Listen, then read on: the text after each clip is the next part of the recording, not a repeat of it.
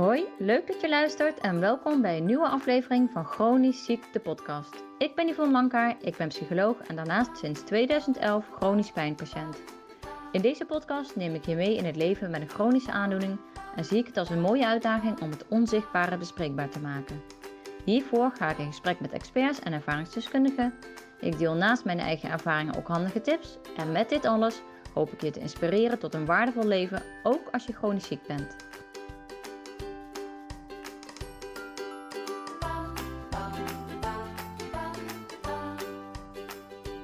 Hoi en leuk dat je luistert naar weer een nieuwe aflevering van Chronisch Ziek, de podcast. In deze aflevering ga ik in gesprek met Esther van Vlaanderen. Zij is huisarts. Ik kwam haar tegen op Instagram als Dr. S, waar zij mensen een inkijkje gunt in haar behandelkamer. En ik dacht, hey, dat is interessant. Dat zou ik wel eens willen koppelen aan het chronisch ziek zijn. Dus, hoe kijkt zij aan tegen de groep chronisch zieken? En is dat wel één groep? Wat kun je als iemand met een chronische aandoening van een huisarts verwachten? Want hoeveel tijd heeft een huisarts nou eigenlijk? Wat als je huisarts niet in de bij jou gestelde aandoening gelooft en zich daar ook nog eens heel duidelijk over uitspreekt? Mag een huisarts dat zomaar? Over dit en nog veel meer ging ik met Esther in gesprek. En ik kan wel zeggen dat de bijdrage van Esther dit een super waardevol gesprek gemaakt hebben. Dus zeker de moeite waard om te luisteren. Weer even een huishoudelijke mededeling, want ergens valt er een paar seconden weg door een slechte verbinding. Maar door de context is het verder goed te begrijpen. Tja, niet zo sterk als een internetverbinding, toch?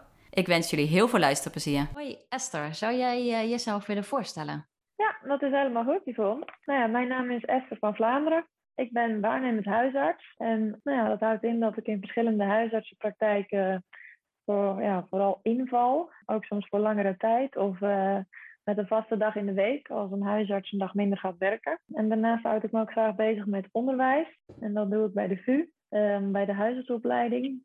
En de huisartsopleiding is, ja, ja, kent tien thema's. En een van die thema's dat is preventie. En um, ik ben als alumnus verbonden aan de leerlijn preventie. En daar maak ik onderwijsbouwsteentjes uh, voor. Klinkt goed. Uh, verder, ja, verder ben ik sinds kort ook online te vinden. Het is lange tijd iets geweest dat door mijn hoofd heen speelde. Uh, dat ik denk, ja, als, als huisarts zijn wij vooral in onze spreekkamers te vinden. En doe dan voor vrienden, dat je dan wel eens adviezen geeft. En ik denk, ja, lijkt het niet leuk om een kijkje te gunnen in mijn leven. In mijn leven als huisarts, zowel in de praktijk als alle andere dingen, dingen die ik opdoe in mijn leven waar ik me over verwonder. Dus vandaar. Ja, superleuk. Want dat is uh, eigenlijk de plek waar wij elkaar ook uh, tegenkwamen. En uh, ook de plek waar ik gevraagd heb of wij met elkaar in gesprek konden gaan voor mijn podcast op Instagram. Dr. S noem je jezelf daar. Nou ja, je, je zegt zelf al hè, van ik, ik, een inkijkje gunnen in, ja, in mijn leven als huisarts en in de praktijk. De mensen die ik, die ik daar tegenkom, wat daar gebeurt. Welke reacties krijg je op je Instagram pagina? nou, mijn Instagram pagina is op dit moment nog niet heel uh, groot. of dat ooit gebeurt, dat weet ik niet. Uh, de reacties zijn overwegend positief. Ik deel niet alleen medische tips of uh, gezondheidsadvies. Ik laat de mensen ook mee, ja, meekijken. Ja, wat gebeurt er in mijn hoofd wanneer ik iemand uit de spreekkamer haal, uit de wachtkamer haal. Uh, dat vinden mensen leuk om te lezen. Uh, de andere kant van, uh, van het verhaal. Ja, superleuk. En wat klein is kan natuurlijk altijd groeien. Dat, dat, je bent al groeiende, gaf je natuurlijk ook in ons vorige gesprek ook al aan. zijn er nou nog meer artsen in jouw omgeving die datzelfde doen? Die eigenlijk die interactie zo zoeken? Nu ik op Instagram zit, dan kom ik wel andere artsen tegen. Die blijkbaar al langere tijd ja, online te vinden zijn en zo uh, verschillende dingen delen. In mijn uh, directe omgeving zie ik vooral dat artsen ofwel uh, in slootgroepen actief zijn, dan wel dat ze op Twitter actief zijn en zich dan uitspreken over actualiteiten. Of dat ze vooral actief zijn op een gebied zoals voeding of leefstijl. Dus ja, ik, ik zie het wel steeds meer gebeuren. En dat vind ik wel een leuke ontwikkeling. Maar dat kan, ja, kan meer. Ja, ja, want we hebben het ergens gezien dat jij het, uh, het kop boven het maaiveld uitsteken noemde. Voelt het ook zo, inderdaad? Voor mij wel. Ik ben van mezelf ja, meer een introvert persoon. Dus ik vind het nogal eng, zoals nu ook met, die, met deze podcast. Nou, dat ik dan uh, al zijnde huisarts ergens over ga praten. Deels, deels is het ook vertrouwd. Hè? Als het mijn vakgebied is, als ik in mijn spreekkamer zit, dan voel ik me als een vis in het water. Maar als ik dan zeg maar meer onderwerpen aansnijd die toch ook wel meer persoonlijk zijn, of die mijn visie betreffen, dan voelt het wel als ik op boven het maaiveld uitsteken, ja. Ja, dan kan er iets van gevonden worden. Ja, daar kan iets van gevonden worden. Ja. Ja, ik weet niet of iedereen blij is als je een kijkje in de keuken gunt. maar die reacties heb je tot nu toe in ieder geval nog niet gehad. Nee. Oké, nou, de podcast heet natuurlijk Chronisch Ziekte Podcast. Dus ik, uh, ik ga graag de uh, koppeling ook maken naar chronische klachten. Wat is het eerste wat er in je opkomt als je aan deze doelgroep denkt? Mensen met chronische klachten, chronische aandoening. Ja, dat is natuurlijk een uh, diverse groep patiënten die ik op mijn spreekuur voorbij zien komen. Met ook een diverse hulpvraag het zijn ook wel de meer uitdagende consulten. Dus dat is waar ik aan denk. Wat mij dan altijd wel, hè, de, de, bij mij rijst dan de vraag: hoe ga ik deze patiënt zo best, zo best mogelijk helpen? En dat, is, dat heeft wel iets spannends. Dat is een uitdaging. Ja. Ja, en je zegt al van, hè, het is een groep die je veel uh, voorbij ziet komen in de spreekkamer. Wat, wat leer je hier nou over op in de opleiding, over deze groep? Want het is natuurlijk heel divers. Ja, zijn... dat klopt. Zijn hier, is dit een specifieke, uh, uh, nou ja, een specifiek vak wat je daarover uh, over in de opleiding krijgt? Of is het overkoepelend wat het in veel vakken terugkomt? Ja, nou, het, het betreft natuurlijk echt wel een vrij diverse groep. met diverse ziektebeelden, die ook diverse disciplines, specialismen overkoepelen of op verschillende vlakken te vinden zijn. leren wij iets over specifiek de groep chronisch zieken aan zich? Nee. Nee. Is dat een dus, gemis? Uh, er, is, er is geen handboek hoe ga ik om met een chronisch zieke.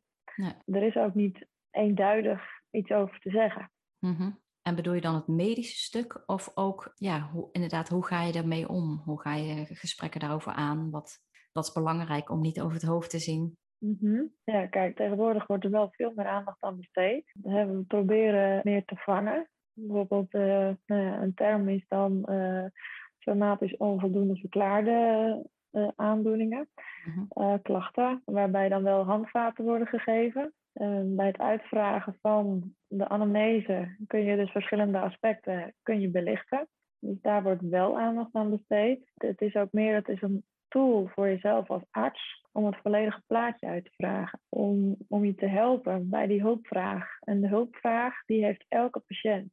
Niet alleen chronisch zieken, maar iedereen. Ja. En ik denk dat dat vooral heel belangrijk is. En uh, ook op te passen om de chronisch zieken als een aparte categorie patiënten te zien. Maar ook om ze gewoon net als iedereen eerst algemeen breed te benaderen. Om te onderzoeken van wat is die hulpvraag dan. Ja, ja, dat is wel mooi, want daar kom ik straks inderdaad ook nog wel op terug. Dat mensen soms het gevoel hebben dat anders alles eigenlijk op, op die diagnose gegooid wordt. En niet meer breed gekeken wordt van, hey, zijn dit klachten die eigenlijk ook ergens anders bij horen? Ja. Mhm. in, in ons eerste gesprekje wat wij hadden, gaf je ook aan dat, dat je eigenlijk bij deze doelgroep probeert te voorkomen dat ze moeten vechten om erkenning.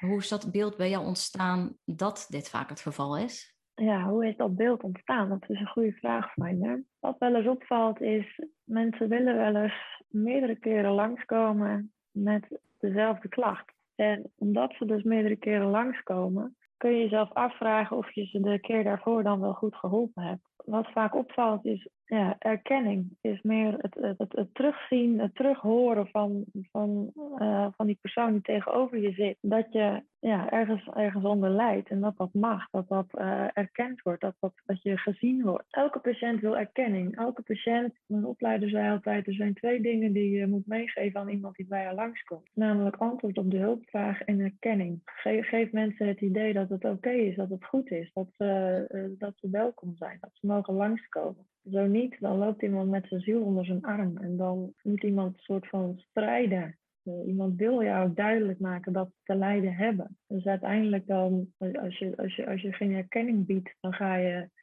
ja, dan, dan ben je aan, aan, aan het struggelen met z'n tweeën. Dan praat je langs elkaar heen. Dus ik denk erkenning bieden en daarvoor zou je toch eerst een verhaal moeten ja, tijd moeten nemen om te luisteren. Dat je ja. uh, de erkenning kunt bieden. En dat, dat voelt iemand. Ja, Mooi, mooi inderdaad dat jouw opleider dat eh, zo naast elkaar heeft gezet. Dus antwoord op de hulpvraag, uh, maar daarnaast ook erkenning. Dus dat dat echt inderdaad twee aspecten zijn. Ja. ja, mooi. Jij gaf ook aan dat het balanceren tussen over- en onderdiagnostiek belangrijk is. Kan je uitleggen wat je daarmee bedoelt? Nou, dat hangt ook weer samen met het zoeken nou, erkenning. Zeg maar de vraag die iemand letterlijk kan stellen aan een dokter, hoeft niet direct de hulpvraag te zijn. Dus iemand kan langskomen met het idee van, uh, nou, hè, ik, ik had alweer uh, pijn in mijn knieën. Nou, waarop een dokter geneigd is om te denken, oh, nou, um, dan gaan we de knieën onderzoeken. Dit is de oplossing voor de pijn in je knieën. Terwijl de hulp, hulpvraag, die, die, die ligt vaak net een laagje verder. Uh, die kan heel divers zijn. Het kan zijn dat iemand zich eenzaam voelde omdat ze vanwege de knieën alweer de deur niet uitkomt. Dat kan zijn omdat er slaapproblemen zijn. Even kijken dus terug van, van de erkenning op, wat was je vraag ook alweer, sorry? Over, geef niet, over en onder diagnostiek. Ja, nou, dus dan, iemand kan echt heel stellig uh, zijn in het uh, vragen, verzoeken ergens om, Mhm. om, om de erkenning te vinden, om bevestiging te vinden van ik heb, ik lijd, ik wil daar bevestiging van. Dus als je als dokter niet de erkenning biedt in het gesprek, dan wil iemand een scan bijvoorbeeld om het aan te tonen, om zich bijna te moeten bewijzen. En dan maak je de struggle alleen maar erger. Dus en een deel kun je dan als dokter heel stellig zeggen van nee, maar dat is overdiagnostiek, dat is niet nodig. En soms is het ook niet nodig en heeft de dokter daar gelijk in. Uh, maar je moet altijd bij jezelf ook als dokter blijven afvragen van... Goh, waarom wil deze persoon uh, zo graag bevestiging van, van het lijden? Of een diagnose of ja, een stapje verder. Ja, precies. Ja. Ja. Dus dan kom je eigenlijk weer bij dat stukje, uh, inderdaad, wat je zegt, erkenning geven. En daarmee dus eigenlijk voorkomen dat je uh, per se richting een diagnose of nog een andere diagnose of nog een ander onderzoek hoeft te gaan. En niet altijd natuurlijk. Soms is het ook nodig om die stap te zetten. Maar het kan zijn dat uh, de vraag inderdaad al op die erkenning ligt en een andere hulpvraag ja. is. Ja, nou is het in veel gevallen best pittig om chronische klachten te hebben, in welke aard, van welke aard dan ook. En heeft heel vaak ook mentale aspecten. Heb je het idee dat er voldoende gevraagd wordt naar de, mentale impact? Ja, ik weet natuurlijk niet hoe mijn collega's dat in de spreekkamer aanpakken. Als ik naar mezelf kijk, ja, dat, je, je wilt van iemand weten wat is de impact van deze klacht op je leven. En dan kom je vaak bij het mentale stukje terecht. En, en die, dat, dat is best uitgebreid om uit te vragen. Ja. Want uh, ja, wat heeft betrekking op je mentale welbevinden? Het kan zowel een vraag zijn van, goh, hoe gaat je werkgever ermee om met je klachten? Als uh, lukt het om je rol als moeder te vervullen? Of uh, ja, hoe is de relatie met je partner eronder? Dus dat zijn best wel uitgebreide vragen waar je niet ja. altijd tijd voor hebt. Nee, zeg je er heel goed bij.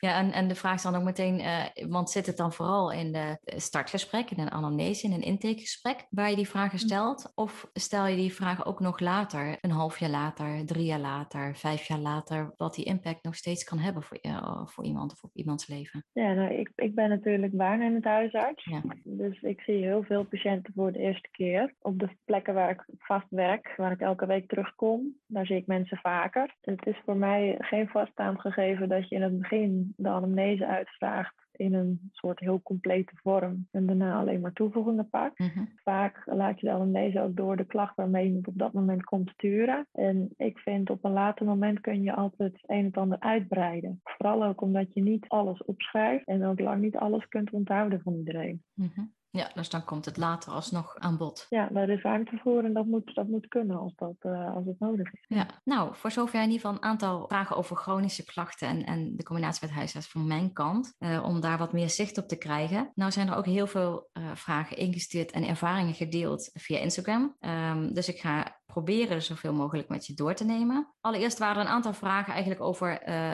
het niet hebben van een goede band met de huisarts. En uh, deze vraag kreeg ik sowieso twee keer binnen, maar ook een heleboel mensen uh, die situaties stuurden waardoor ze erover nadachten om dit te doen. Ik zal de vraag formuleren. Ik en mijn huisarts zijn niet zo'n goede combi. Mag ik zomaar van huisarts wisselen? Ja, dat mag. Iedereen in Nederland die een zorgverzekering heeft, heeft recht op een huisarts. En zoveel mensen, zoveel huisartsen. En ik kan me heel goed voorstellen met de diversiteit aan huisartsen die er is, dat de ene, ene persoon, de ene patiënt niet zoveel klikt met uh, de ene huisarts als de andere. Dus uh, ja, dat mag. Praktisch gezien, ja. ja. praktisch gezien zou ik dat wel bespreken met de huisarts. Het kan ook juist een moment zijn van feedback op het handelen van de huisarts en op het bespreken van dat uh, van begrip van herkenning. wie weet dat het de band nog verbetert. En als je dus echt van huisarts wilt wisselen, houd er rekening mee dat uh, er, er, is een tekort aan huisartsen. Dus als je wegloopt bij de ene huisarts, zul je op zoek moeten eerst naar een andere huisarts Ja, dus dat is inderdaad even het praktische. Maar het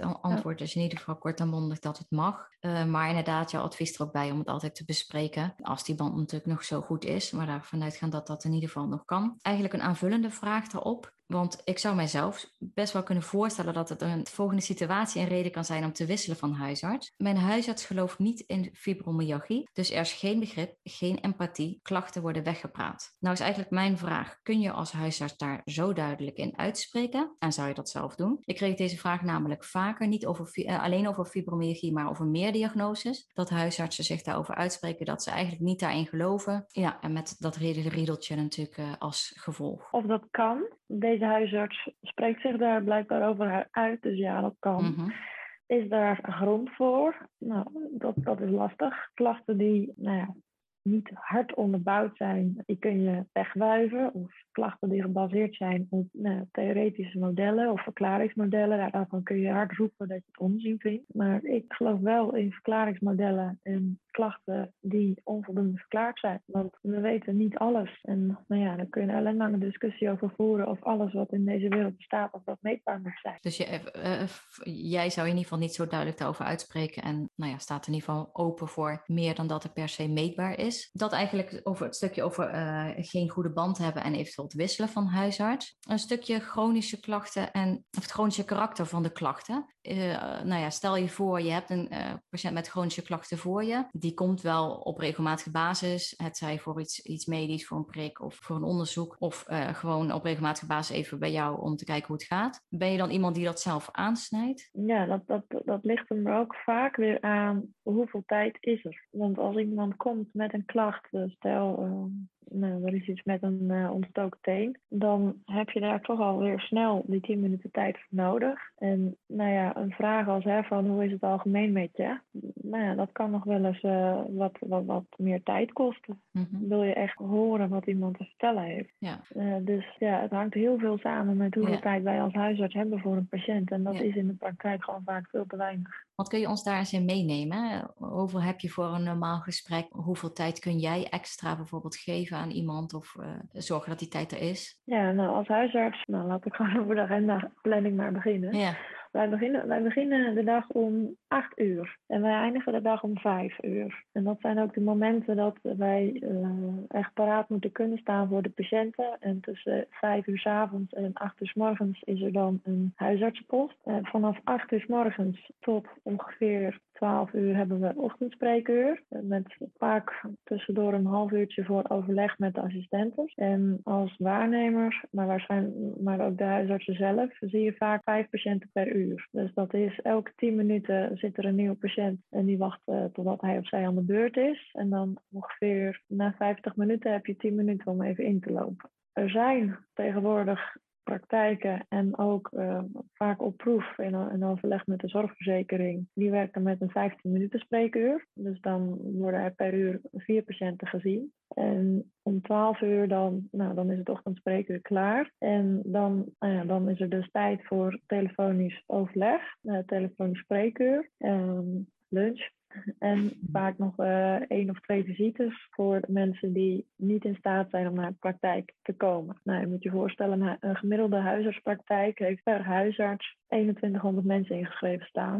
dus het, is, het is af en toe behoorlijk doorwerk. En, nou ja, en dan vervolgens heb je het middagspreekuur. Dat is wel min of meer volgens hetzelfde idee als het ochtendspreekuur. En dat begint dan vaak rond een uur of twee en dan tot, tot een uur of vier slash half vijf. En daarna is het tijd voor afronding om nog een brieven te maken of verwijsbrieven. Ja, dus het is sowieso volle bak en daar zit er weinig ruimte in om eigenlijk wat extra tijd voor een cliënt, patiënt te nemen. Ja. Ja, ja. jij ziet het vast ook heel graag anders. mm-hmm, ja, zeker. Nou hadden we het net in het begin van het gesprek al even over, wat ik ook van mensen terugkrijg, is dat nieuwe klachten vaak op één oude of meerdere oude diagnoses gegooid worden. Of het oude bedoel ik dan met diagnoses die er al zijn. Hoe zorg je ervoor dat je als huisarts niets mist? Nou, dat is natuurlijk ook persoonlijk. Uh, des te meer ervaren de huisarts en des te uh, beter de band of des te langer de patiënt en de huisarts elkaar kennen. Des te minder tijd of ja, des te minder vragen je nodig hebt om een inschatting te maken hoe een en ander in elkaar steekt of wat er aan de hand is. Ja, en ja, dus als, huisarts hebben wij heel veel vragen. Wat, nou, dat zijn sleutelvragen. Het is belangrijk dat wij nou, acute zaken die opmerken, die direct behandeling behoeven. Uh, zaken die potentieel levensbedreigend zijn, die we niet mogen missen. Uh, sluimerende kankers, dat het weer eruit. En uh, daarbij willen we, streven we wel na om een goede verklaring, een uh, diagnose te vinden bij elke nieuwe klacht. Zelf zie ik natuurlijk heel veel patiënten die voor mij nieuw zijn. Dus vaak, vaak, vaak, vaak, behandel ik alles min of meer als een nieuwe klacht. En natuurlijk kijk je naar de voorgeschiedenis of trek je een verband. Maar dat hoort er ook, dat hoort er ook deels bij. Soms is dat ook gewoon echt een verklaring die uh, meer plausibel is dan dat er weer nieuws aan de hand is. Ja, dus op die manier probeer je in ieder geval uh, te kijken van hey, past het inderdaad in dat plaatje? Maar ook met een uh, frisse bril op te kijken van hey, kan dit ook iets anders zijn wat anders blijft sluimeren en waardoor ik anders ook weer zonder dat um, ja, gehoord en gezien voelt iemand met een zondere arm in naar huis stuur. Ja, en als huisartsen onderling uh, zijn wij er ook heel goed mee bekend. Want iemand die bijvoorbeeld uh, nou, elke, week, elke week of twee keer per week langskomt, die zal ook op een gegeven moment eens een keer met een hartinfarct voorbij komen of uh, een hoge bloeddruk hebben. Dus we moeten altijd, altijd waakzaam zijn. Mm-hmm. Ja. Wat ik ook heel veel terug heb gehoord en wat ik sowieso in mijn eigen praktijk natuurlijk ook al heel vaak terughoor, is dat mensen horen van huisartsen, maar zeker ook van andere medici. Het zal wel tussen de oren zitten. Mm-hmm. Of met andere woorden, het wordt afgeschoven op psychische klachten of stress. Dat gebeurt natuurlijk ook heel vaak. En dat geeft natuurlijk het gevoel dus niet serieus genomen te worden, waar we het net al over gehad hebben. Wat uh, op het moment dat, dat een uh, patiënt dat terughoort, nou ja, wat zou je adviseren aan, aan die patiënt om, om te reageren op dat moment? Of op een later moment, als iemand erop terug wil komen? Ja, ik vind, ik vind sowieso het begrip uh, het zal wel tussen de oren zitten, vind ik vrij ouderwets. En wat bedoel ik daarmee is, uh, vroeger dan hadden we een kijk op het lichaam als uh, nou ja, hersenen en lichaam, die kon je van elkaar scheiden. Je had zeg maar ziektes die de psyche betroffen en ziektes die het lichamelijke stuk betroffen. En um, nou, was of het een of het ander. Dus als het dan tussen de oren zat, dan had je als het ware geen verklaring voor uh, een pijnklacht in een been. En ik vind dat die twee dusdanig met elkaar verwoven zijn dat uh, het stuk van het zit tussen de oren of het is puur uh, nou ja, iets wat, wat in het lichaam aanwijsbaar is. Dit is echt heel erg, het hangt heel erg sterk samen. Dus ik, ik denk sowieso eventjes erop terug, probeer erop terug te komen. Wat, wat, wat, wat heeft de huisarts ermee bedoeld? Um, is, het, is het inderdaad een afwijzing, als in, want zo wordt het natuurlijk vaak gevoeld, van Mhm. je komt voor niks, je mist de erkenning, je, je, je, krijgt, je kan zelfs het gevoel krijgen dat je niet had mogen komen, of dat je niet welkom bent. Dus ik denk dat dat zeker een stukje is om proberen aan te snijden van, hè, van uh, wat, wat vind je er eigenlijk van dat ik kom met deze klacht. En dan wel dat de huisarts uh, inderdaad probeert aan te snijden van misschien kan psychotherapie hulp bieden. Ja, want dat is natuurlijk ook een, eh, iets wat, wat eh, het, ge- het geval kan zijn. Ja, bijvoorbeeld. Ja, mooi. Ehm Maar ja, mhm. Wil je nog iets toevoegen? Ja, nou, ik, denk wel dat dit echt een heel een, een, een belangrijk onderwerp is. Als, eh, ja, het zit tussen de oren, het, eh, ja, het hebben van klachten die, die zeker ja, echt, echt pijn maar gevoeld wordt. eh, slapeloze nachten, eh, verbroken relaties, noem alles maar op. Het heeft een enorme impact. En wanneer mensen dan, eh, nou, die, mens, mens, mensen zich niet begrepen voelen, zelfs afgewezen voelen, dat, dat geeft ontzettend veel frustratie. En ik denk wel dat dat belangrijk is om te bespreken met de eigen huisarts als je het gevoel hebt dat je echt weggestuurd wordt of niet Mhm. gezien wordt. Ja. ja, want dat vind ik wel mooi. Ik hoor dat in jouw verhaal een aantal keer vallen, dat iemand eh, mag komen, welkom is. Dat verhaal hoor ik, ehm, nou moet ik zeggen dat deze vragen ook echt allemaal eh, gestuurd zijn mensen die minder tevreden zijn over een huisarts. Er zijn heel veel mensen die ook een verhaal hebben gestuurd die heel tevreden zijn, dus laat ik dat er even bij zeggen. Maar ehm, ik hoor inderdaad van die minder tevreden mensen heel vaak het gevoel dat ze inderdaad zich niet welkom voelden, eh, zich een zeur voelden. Ja, dus ik, ik denk dat het inderdaad heel mooi hoe jij dat benoemt van eh, ja, dat mensen zich welkom voelen en zich inderdaad niet dat stuk van ik ben een aansteller, ik, nee, ik word niet serieus genomen,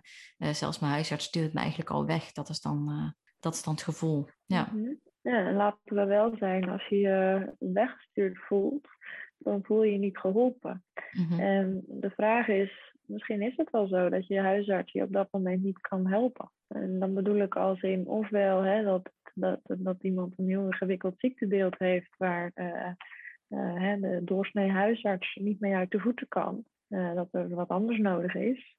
Dan wel dat je een huisarts hebt die waarschijnlijk fantastische kwaliteiten heeft op andere terreinen. En dan bedoel ik gewoon andere, andere specialisten, ja, andere mm nou ja, gewoon, gewoon als expertise van de huisarts moet je best wel veel weten. Van alle markten thuis zijn. Uh, maar misschien, gewoon, misschien niet met chronische ziekte. Ja. Ja, en dat is ook wel eentje die ik, die ik veel terug hoorde van mensen die heel tevreden waren over een huisarts. Een hele fijne band hadden. Dat een, een, um, een reden daarvoor was dat hun huisarts ook aandurfde te geven van... Uh, ik weet het even niet.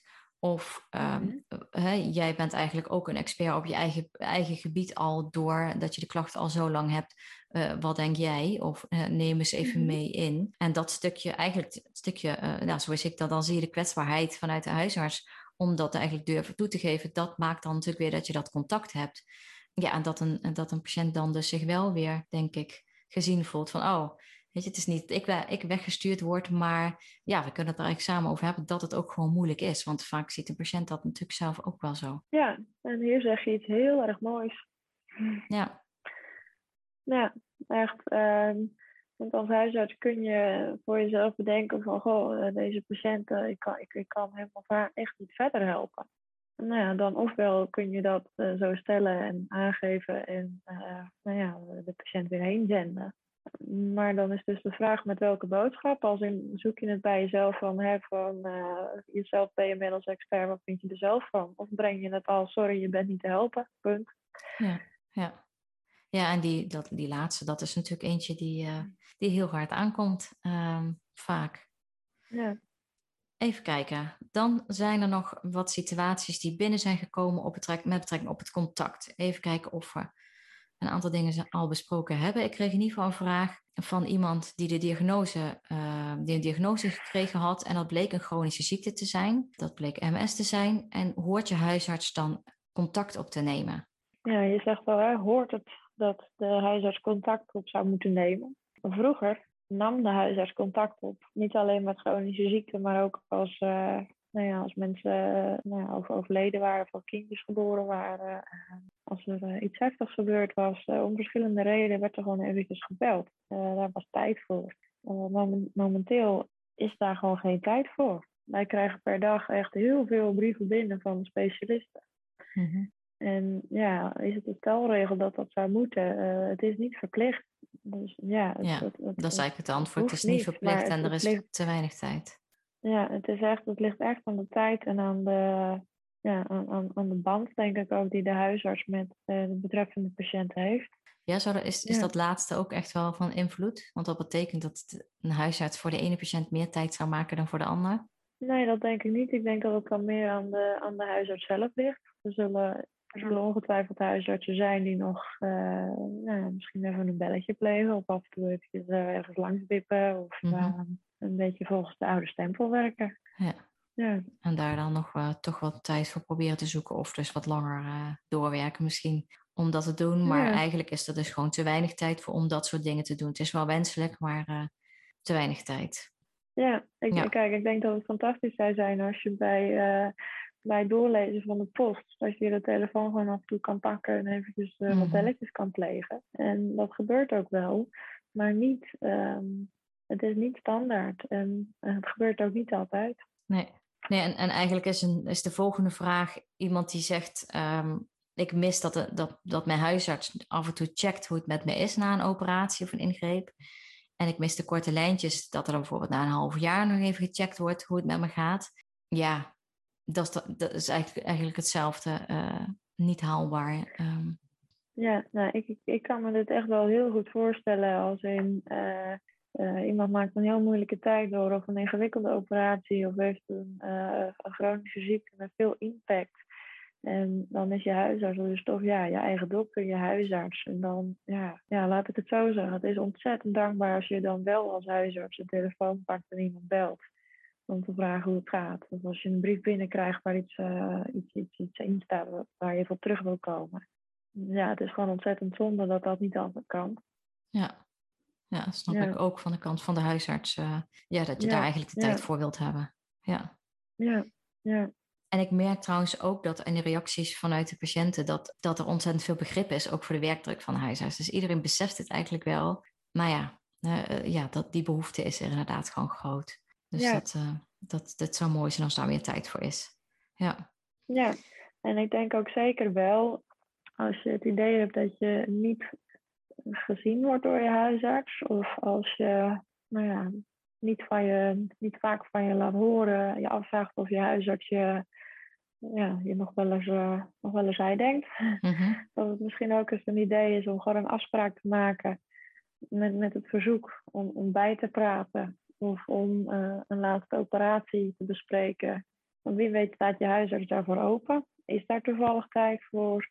En ja, ik denk als je elkaar dan eventjes ziet dat er, uh, en je hebt daar tien minuten voor om gewoon een goed gesprek te hebben, dat dat heel waardevol is. Dus zonder dat je per se eerst afwacht of je ergens een jeukend plekje hebt om dat te laten ja, Precies, ja. Maar dat je gewoon een afspraak maakt en zegt, goh, ik zou heel graag eens even, ik, ik wil het graag over, maar, ja, over mijn chronisch ziek zijn hebben en wat voor invloed dat heeft thuis. Ja, ja want eh, wat ik merk overkoepelend over, over al deze onderwerpen is als ik dan doorvraag, die nu bijvoorbeeld mensen op Instagram, maar ook mensen in mijn, in mijn behandelingen, of mensen het gesprek daarover aan zijn gegaan met hun huisarts, dan is het eigenlijk bijna altijd nee. Wat, wat denk jij dat dat speelt, waarom het zo moeilijk is om zo'n gesprek met een huisarts aan te gaan? Nou, ik denk dat het mens eigen is om in geval van onwetendheid in te vullen voor een ander. Ja, kan je die uh, wat duidelijker maken? ja, als, als dokters worden wij er heel frequent uh, in getraind. Er wordt erop gehamerd om heel veel Nivea te smeren. Mhm. Dat is een acroniem voor niet invullen voor een ander. En wat dat inhoudt is uh, als iemand bij je komt en nou ja, er, er is een open stuk. Uh, iets om in te vullen van, hè, zou de dokter tijd hebben voor mij? Of uh, in geval van de huisarts, goh, zou deze patiënt nog wel eens uh, actief zijn? Of hoe zou deze patiënt zo slapen? We, we, vullen het automatisch in. Dat is wat het brein automatisch doet. Mhm. En dat maakt dus ook als iemand zich afvraagt of de huisarts dan wel tijd voor hem of haar heeft. Nou, dan ga je nadenken en dan denk je, nou, ik heb een stukje gelezen in de krant, huisarts hebben het druk. Nee, mijn huisarts heeft geen tijd. ik heb een podcast beluisterd en uh, ja. nou, lijkt, toch wel, uh, lijkt toch wel druk te zijn daar. Ja. Ik zou zeggen, pak de telefoon op, uh, bedenk gewoon goed van tevoren, wat is je vraag, wat zou je graag willen bespreken en vraag het gewoon. Ja. ja, dus daar zit eigenlijk ook een stukje leiding nemen vanuit de patiënt zelf. Van ja, ook concreet maken van oké, waar zit dan mijn pijnpunt eigenlijk? Hè? Waar, waar, voel ik me mhm. misschien niet gezien? Of wat is er gezegd in een eerder gesprek? Wat is blijven hangen? Wat me gekwetst heeft? Of nou, noem maar op. Of wat zou ik graag willen? Dat eerst eigenlijk concreet maken en dat inderdaad uh, benoemen. Dan kan ik mezelf voorstellen dat ergens huisarts ook nog toch een soort van status heeft, waardoor het soms lastig is om dat gesprek aan te gaan. Dat merk ik ook wel dat, ja, dat het. Uh, sommige uh, mensen vinden het soms over lastig om met een familielid of met een uh, vriendin een gesprek te voeren. waarin je iets terug moet geven wat niet leuk was. Laat staan met de huisarts. Maar um, ja, je geeft een hele goede, heel mooi metafoor, Nivea. van vul niet in voor die huisarts en ja, ga het gesprek aan. Ja. Ja, en ik denk wat je, wat je zegt, dat is helemaal niet gek. Dat iemand zich, uh, ja, dat het een enorme drempel is om uh, aan te bellen bij iemand. En ja, het is, het is, het is, het is feedback geven wat je wil doen. Je, ja, en, dan, en dan is iemand uh, onder de indruk van, van de huisarts of uh, vindt het lastig om de assistenten uit te leggen aan de telefoon waarom je, je graag lang zou willen komen. Uh, en ja, dat, dat vergt wat moed. Dat is niet gek, want net wat je zegt, bij een familiegesprek, als dat verkeerd ver, vervelend verloopt, dan, wil je, dan, kost het ook wat moeite om uh, het te berden te brengen. Mijn advies daarin is, hou het bij jezelf.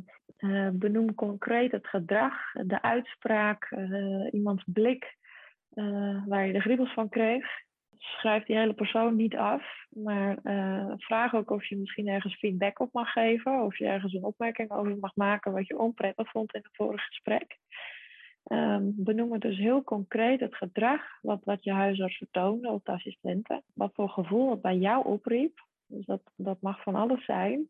En dat is vaak hè, boos of uh, angstig of schrik. Maar ook wat dat voor gevolg voor jou misschien wel had. Nou ja, vaak heb je dan misschien een suggestie hoe je dat in het vervolg graag zou zien. Dat kun je er dan achteraan melden. Ja, mooi. En, en, en, en vraag terug hoe dat is voor de huisarts om dit te horen. Ja. of hij of zij dat ook herkent of niet. Ja, precies. En je mag dit stukje gewoon even terugspoelen en op pauze zetten om iedere keer per stap even in te vullen. Want dit zijn super mooie stappen die je noemt. Ehm, ja, om zelf ook even door dit proces heen te gaan van oké, wat, wat speelt er dan bij mij waardoor dit, uh, dit zo, uh, ja, deze situatie zo speelt bij mijn huisarts en wat zou ik inderdaad graag willen. Ja. Ja, ja. En, ik heb, en het helpt ook, want sommige mensen zijn dusdanig onder de indruk dat ze niet meer uit hun woorden komen. Of dat ze uiteindelijk gesprek hebben over een klacht waarvoor ze helemaal niet kwamen, maar omdat ze het eigenlijk onderwerp niet meer durven aan te snijden.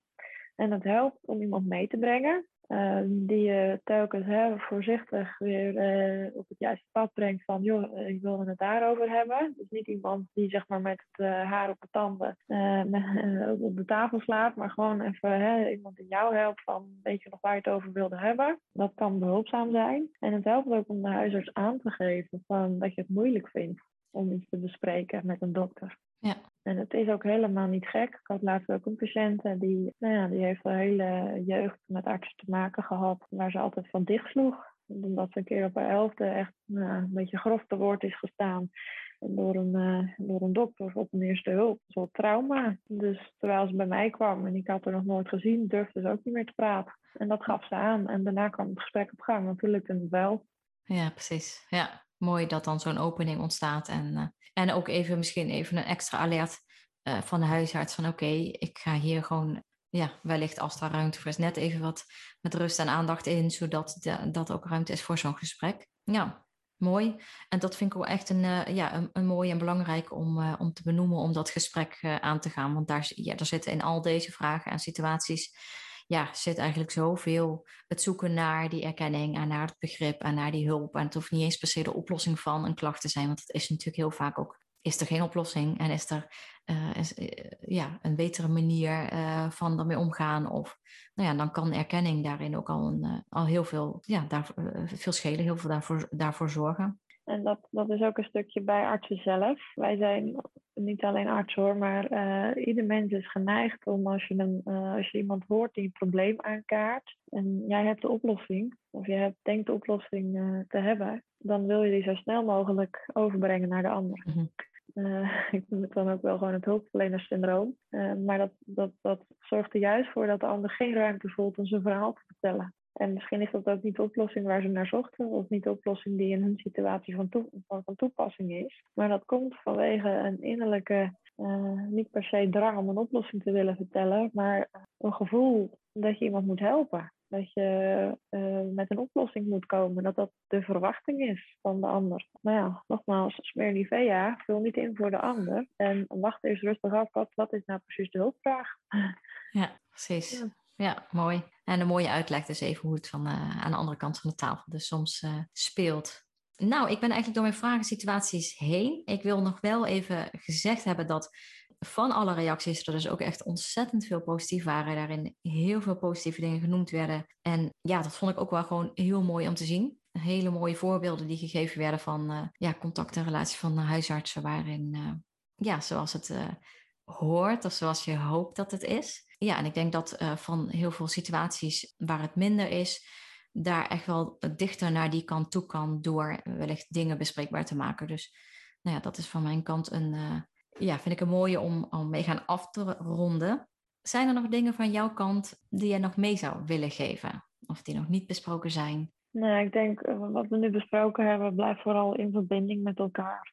En, en geef, geef het aan. Als je merkt dat je je niet gehoord voelt, dat je het idee hebt dat je uh, niet bent gezien, probeer het bespreekbaar te maken.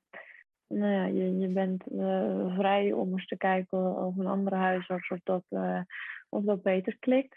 En soms als je het gesprek aangaat, dan kan dat een verrassende wending aan de, aan de band geven die jullie met elkaar hebben. Ja, ja. ja. Nou, dan uh, zijn we er doorheen. En dan wil ik jou ontzettend bedanken voor jouw tijd en voor jouw uh, kijk op deze uh, situaties. Um, een, een, kijkje ook via, met deze podcast in de behandelkamer. En ja, super bedankt daarvoor. Ja, nou, Nicole, jij bedankt voor deze uitnodiging. Ik vond het echt heel leuk om hier bij jou te gast te zijn en de vragen te mogen beantwoorden. En ehm, ja, dus ik ben er blij mee. Nou, helemaal goed. Ik ook. Dankjewel. Superleuk dat je weer luisterde naar een aflevering van Chronisch Ziekte Podcast. Ik hoop dat het je nieuwe inzichten en inspiratie opgeleverd heeft. Laat het me vooral weten op Instagram waar je me kunt vinden op Yvonne Psycholoog. Laat daar ook je vragen achter die ik eventueel mee kan nemen in een nieuwe aflevering. Wil jij een centje krijgen wanneer er weer een nieuwe aflevering van Chronisch Ziekte Podcast online komt? Abonneer je dan op dit kanaal op je Spotify app of op iTunes. En ik zou het echt super tof vinden wanneer je hier een review achter wil laten. Daarmee help je mij meer mensen te bereiken en daar word ik dan weer heel blij van. Tot de volgende aflevering en nog een hele mooie dag gewenst.